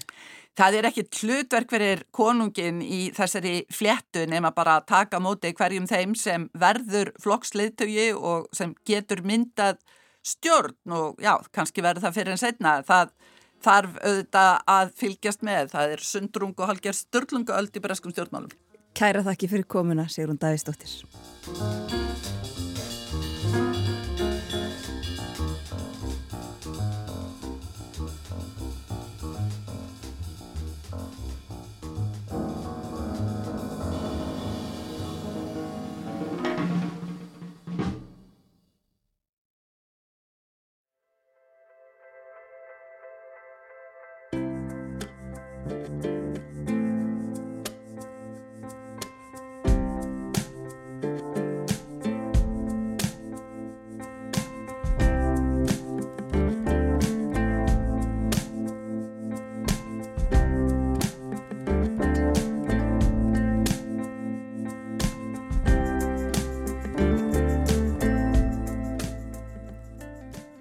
Sælaftur, þeir að hlusta á morgunvaktin á rás 1, klukkan leðlega hálf nýju og það er 24. oktober í dag og veðurhorfurnar á landinu í dag og á morgun hljóða svona, austan góla eða kaldi en strekkingur síðust á landinu í dag. Lítilsáttar væta suðaustan til og einnig vestast á landinu fram eftir morgni. En það verður yfirleitt þurft í öðrum landslutum. Hiti víða 1 til 7 stig yfir daginn og morgun austan og norðaustan 8 til 15 metrar á sekundu en 13 til 18 síðst. Það verður viðadáli til rigning en þurft að kalla á norður og norðvesturlandi. Hitin á morgun 2 til 9 stig, hlýjast suðvestan til og síðdegis bætir svo í úrkomu á suðausturlandi og austfjörðum. Þurft að kalla, já. Um miðja átjóndu öld voru uppi hugmyndir í Fraklandi um að gera Íslandað franskri nýlendu og fransmenn áformuðu að koma á fót fiskverkunastöð í dýraferði með fjögur hundru starfsmunum og höfum í huga þá byggu fáeinir týjir manna á þingari. En á þessum tíma voru þeir líka til sem að vildu samena öll Norðurlöndin í eitt ríki. Árni Snævar Sakfræðingur og fjölmjölamæður hefur skrifað bókum þessa merkilegu tíma í sögu lands og tjóðar. Það er Napoli og nokkur prins í forgrunni en við sögu koma líka Jón Sigursson auðvita, Þorlegu Repp og Trampi Greifi, svo einhverju séu nefndir. Ísland Babylon heiti bókin og undir titillin er Dýrafjörðarmálið og sjálfstæðisbaráttan í nýju ljósi. Velkomin í þáttin, Árni. Takk fyrir það, Björn. Ég er ekki vissum að allir þekki dýrafyrramálið. Eh, þetta er þetta 1956 ekki satt? Já, það er hérna, þetta við erum að tala um miðja 19. öld, við erum að tala um 1855 og 6 sem að, börjunir eru. Og þá er eh, einakon dana í Vestlun á Íslandi um það beila líðundi lok, loksins. Eh, Íslandíkar hvað frjálsir að viðskiptum við aðra þjóðir og frakkar hugur sér gott í glöðurinnar? Já, sen, senastu hlutina er sannlega réttur að hérna 1855 líkur uh, sem sagt, uh, eða síðustu leifarnar af, af einokunar Östlund Dana hverfa og uh, það er mjög mikilvægt alltaf í, í, í, þegar maður er að skoða söguna að, að reyna að forðast að skoða hana með augum samtímans og ef ég er að eh, ef, ef að eh, bókinn stendur undir nafni að, að, að þetta sé ný sína á sjálfstæðisbaráttuna þá er það ekki alltaf sjálfstæðisbaráttuna út í hild en á þessa atbyrði klarlega og kannski fælst það ymitt í því að, að aðeins að íta til, til, til eh, hliðar þessum glerugum þjóðurnisíkjuna sem að hafa kannski verið nótu til að menn hafa svona tilt á nefið til, til að skoða þessa atbyrju hingað til. En ef ekki kannski bara byrjaði hvað, um hvað þetta snýst? Ha. Jú, þarna í dýrafjörði e, frakkar, sko, dýrafjörði var nú bara einna mörgum stöðum á Íslandi sem að það sem frakkar komur svona þessi, það voru náttúrulega þessum tíma 120 fransk skip sem komi hérna í fiskviða hverja einast ári. Og oftast voru tvö herskip sem komi með e, til að halda upp í aga í, í, í, í flottanum og, eh, og notabene lengst að til að koma í veg fyrir eða sem sagt í, í, þetta er alltaf undarlegt því að frakkar voru umverulega landhelgiskæslan Dani voru með sára litla viðveru hérna eins og allir vita. Og meðal annars var já, var alltaf að tala um einhvers svona landhelgiskæslu mm. þannig að frakkar héttu dönum því að, að halda upp í aga og, og sjá til þess að Dani voru sérstaklega áhuga samverðum með þessi viðskipti í Íslendinga. Nú þarna breytist þetta 1855 og uh, uh, útgerðamenn í Dunkirk, lang, lang, lang flestir uh, sjómanna komið þaðan.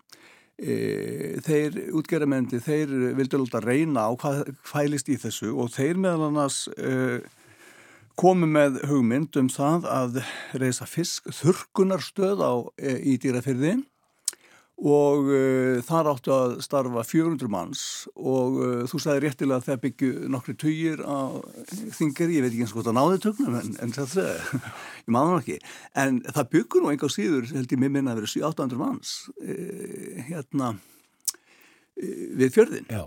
og hlutföllin er alltaf önnur því að það eru kannski, nú manni ekki tölun alveg nákvæmlega, segjum 1500, 1600, 1700 manns í Reykjavík. Skulum bara segja 400 á móti segjum bara 1500. Þessi hlutvöld eru náttúrulega ekkert svo rosalega. Við þurfum að fara ykkur að 20.000 eða, eða þessi hlutvöld að vera í dag auðvitað. En það sem meira er, hugmynd, hugmyndin er, það er, það er sem sagt Spalatier Duma, eh, sem sagt eh, skipherra á einu fransku skipana, mm. sem skrifar þetta bregð, skrifar bregð til alþingis og hún bara byrja á því til hvers skrifar hann bregði, hann skrifar þessu alþingis. Hann reynda vel ekki kannast við eftir og sagði að þetta væri bara til nokkur áhræðamanna og það vil svo til að þeir væri þingmenn og jú, algjör tilvinn, alþingi hefði akkurat setið ekki á þessum tíma. Já. Hann skrifaði ekki til stiftarmanns sem hefði verið eðlert. E, eða, já, já, og yfirleitt var það kannski bara ekki eðlert fyrir upp á staði að hann skrifaði þetta bref. Þegar komið upp í ljóslega þetta var nefnilega hans hugmynd. Þessi útgerðarmyndi vildu þetta vissulega en þetta fór aldrei í gegnum þannig stjórnvöld. Það var enginn í París sem vissi af þessu. En það breyti því ekki að þessi hugmynd er, er, er mjög aðteglisverð og, og uh, hún var kannski ekki droslega mikið þróuð en, en, uh, en það er kannski hugmyndin ekki aðal máli heldur viðbröð Íslendinga, allavega í dag. E, það sem að þarna er að ferðinni er, er við, við erum búin að nefna fjölda fólksins sem að vann þarna, átt að vinna þarna og það átt að koma sagt, frakkar e, e, sagt, til Íslands yfir sumarið og þurka þarna fisk. Reyndar þá var því haldið opna þannig gætu unnið eins margir Íslendikar og hægt væri. Hérna frakkarnir við sögðu líka, já þarna opnast markaði fyrir íslenska bændur að selja afurðir og uh, þarna skapast eh, möguleiki á, á því að uh, flytja inn vörur frá Danmarku. Þetta er, er ekki gott tilbáðbjörn. Hljóma vel. Þetta fannst öllum skelvilegt á Íslandi. Ja. Nema að sjálfsögðu fólkinu hérna, fólkinu hérna þeim lagst settu. Ef að byrja á köpmunum, þeir eru, e, eru búin að vera mjög uggandum sin, sinna hag vegna þess að þá að, að, að leggja af síðustu leifatnar einagunarversluninni eru mjög uggandi og, og þeir eru hérna óttast að, að Íslandinga fara að flytja fisk beint út og, og sem þeir reynda voru nú byrjaðar á en þeir voru óttast að missa þetta algjörlega og það það bara ekki fara út í nett, mikið út í það en þetta að sjá að þeir bara vilja ekki hleypa öðrum að kjöldkvöldunum mm. E, þannig að þetta var skelvilega vond tilbóð. Nú, hitt tilbóð um það að e, skapa, hérna, skapa störf á Íslandi, bara aðtóa hvernig þetta var með, hvernig með sjósókn var. Það er, e, e, það eru, það eru sagt, bændur sem er að senda fólk sem er undir vista, eða sagt, hérna, lítur vistamandi, vistaskildu, e, á, á sjáin, án þess að við viljum að fá neitt borgarverða. Og við veitum að hvað sjósókn er hættuleg. Frakkatir er að borg, bjóða upp á og það skal tekja fram þeir ætlu líka hafa einhverja ekkert mjög marga en til að passa upp á hlutuna yfir vetunum þeir verður ekki viðstættir. Og þeir eru ekki bara bjóða upp á störf, þeir eru líka bjóða upp á borguðstörf og ekki það, ekki með úttækti á danska köpannum, ekki bara þannig að einhver var að sinna, einhverju vinnumenni var að sinna vinnurskyldi sinni, heldur að borga fyrir peningu Já. og þetta er bara algjörlega, ja, má segja ó, óþægt á Íslandi að algjörlega eftirlægi samfélagsins frátöldum. Laun í vasan. Sko. Já, og þetta er, þetta er náttúrulega bara hrein bilding, ef af hefði orði, hefði orði algjör bilding, en það eru tvöðatrið hérna, til viðbóta sem, er, sem eru algjörlega skipta sköpum mm. uh, og það er það að það er náttúrulega verið að tala um þéttbíli og uh, titill bókarinn Ísland Babylon, það er þetta Babylon, það er raunverulega þéttbíli, það eru útlendingandir og, og það er opnum landsins. Uh, það, er, það er hérna þetta sem sagt Íslendingar kolluðu köpmanöfn oft Babylon við Eirasund sem dæmi.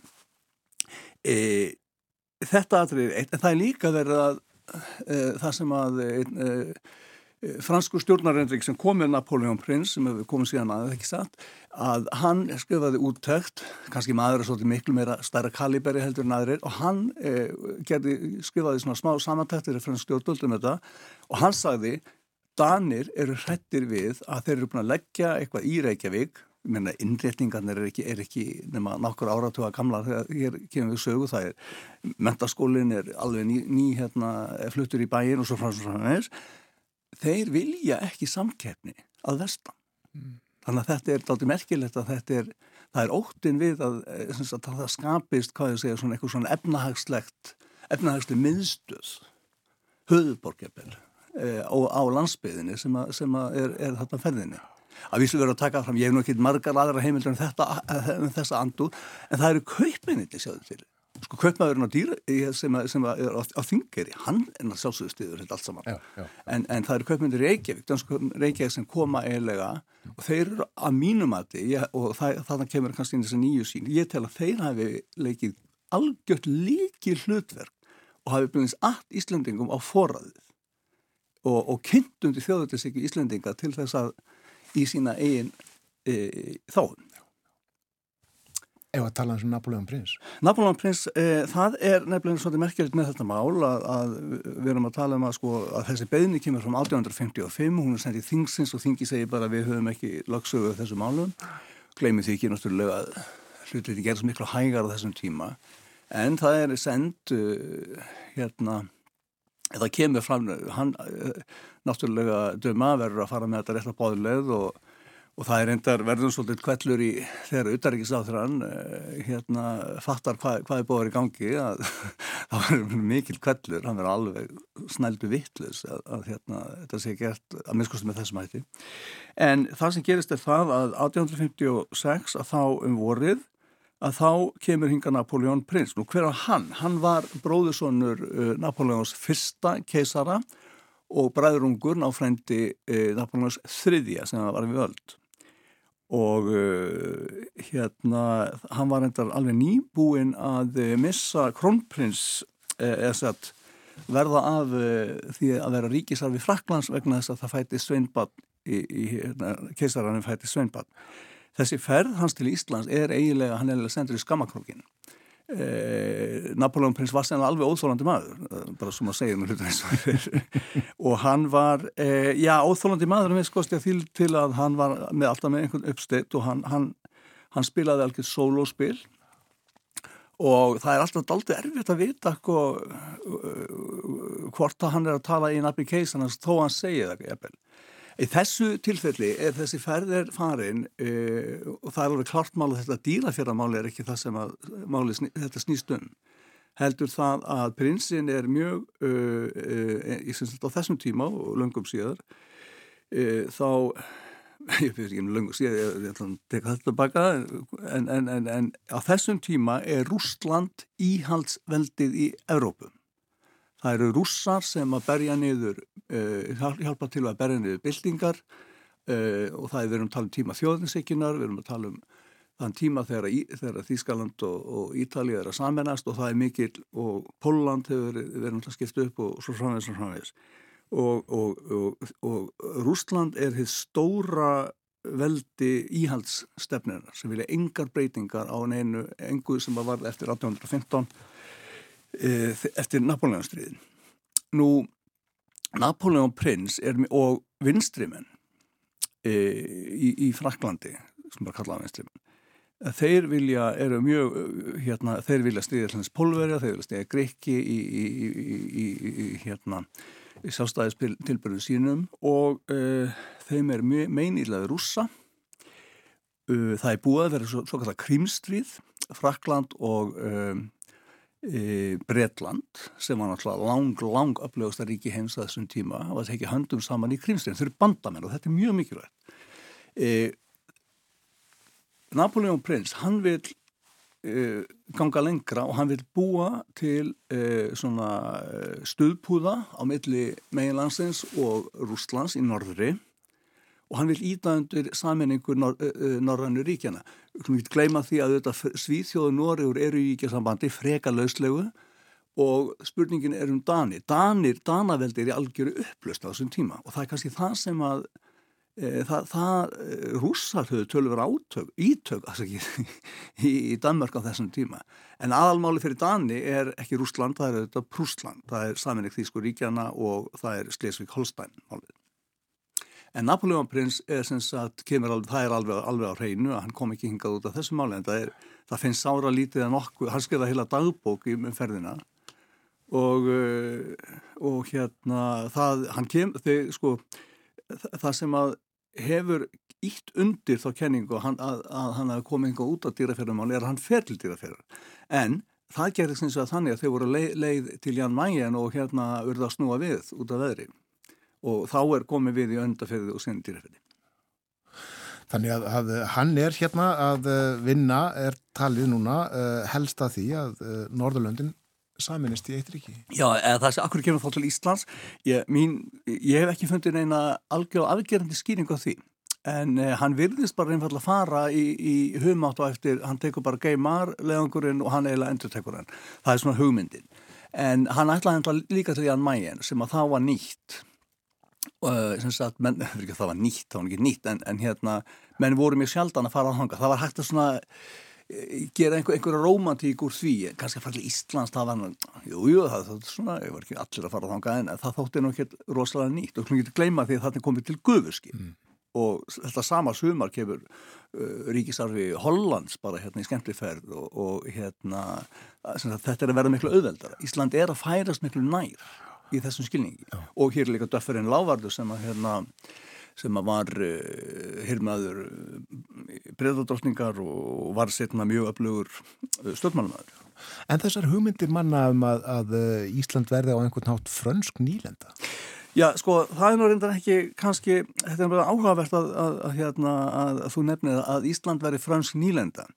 E, aftur komum við að þessu með að við erum að passa okkur á því að horfa ekki hlutina með augum samtímans.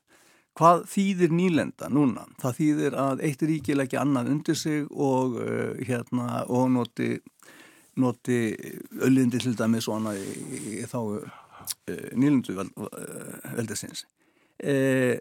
Það var nú aldrei talið á þeim tíma að þegar orðin nýlenda var notað þessum tíma þá var það notað í skilningnum að einhverju komi og, og dveljist á einhvern stað bara eins og íslenska nýlendan í Kaupanöfn eða Paris Exuleis. E, þannig að það var aðeins, þó að menn tölu um nýlendi, þá var það, sko, það, það, það er þessi hérna, merkingamönni sem er sko þvælist aðeins fyrir manni. Frakkar ætluð ekki að sölsa Íslandundir sig? Já, býtu, þannig er, það er ekki þannig að, að, að, að það hafi ekki verið, hérna, að vegna þess að það er það sem að þessi hérna, ótrúlega karakter Þorleifur Epp helt fram.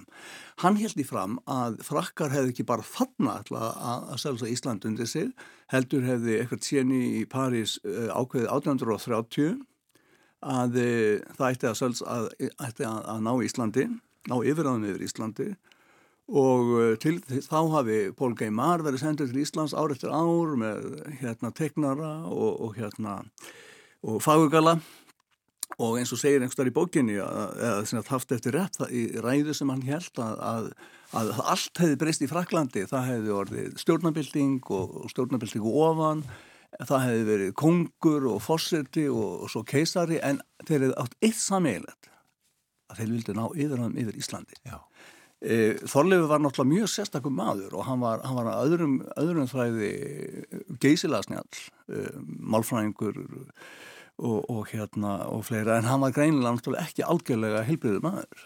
Hann var, e, að hans ég vilji hérna Eh, hann verðist að vera haldin því sem kallaði Tourette að hann eh, brjálast úr hlátri eigin eh, doktors eða, eða mestarprófsvörn og var fleikt út og er, er hans hefur fyrst á hans störu minnst fyrir þetta því að það var náttúrulega lítið skilningur á slíkum kenjum og það var engin annan en H.C. Örstöð sem að heimsfrægur danskur vísendamæður sem þá gengdi rekt á stöðu sem að fleiða hann út að, en, en þetta náttúrulega með að, þessi, þessa, að þetta hefur verið einhver áallega náðundis í Íslandi er, er satt að segja frálegt og það er ekkert í heimil sem bendir til þess já, já. hinsvegar, mm. þá tekst rep að sannfæra breska sendiherran í, í Danmörku um, um þetta og hann notabene geða óbeint í gegnum einhvern e, milliði sem við veitum ekki hver er að því að Repp var náttúrulega hann, hann var í svo litlu áliti að, að það hlusta hann lengið á hann. Nema Íslandikar sem gerði hann merkilegt ná eða þeir umbára hann að mesta kosti.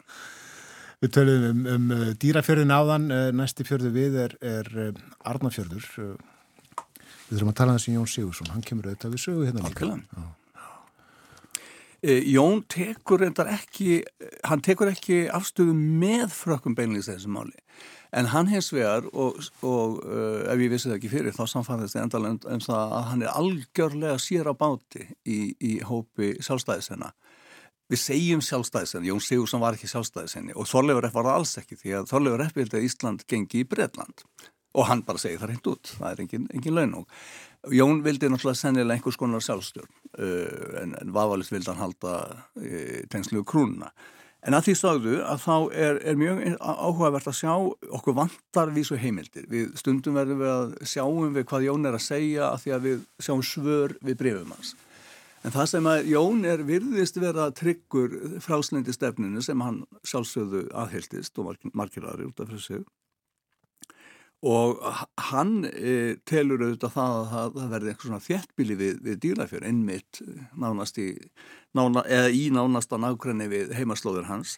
Hann telur það sjálfsagt besta mál og hann, hann vil fá peninga í landið. Hann, hann er umverulega í öllu sem hann er að gera þá, þá er hann vill hann, hann vill ebla atvinnuvegi landsins og, og hann telur kannski, hann er sjálfsagt sammála þorleifir epp um það að 60.000 manns og áleika mér kross, eins og repp orðaði það, get ekki uh, staðið undir sjálfstæði ríki.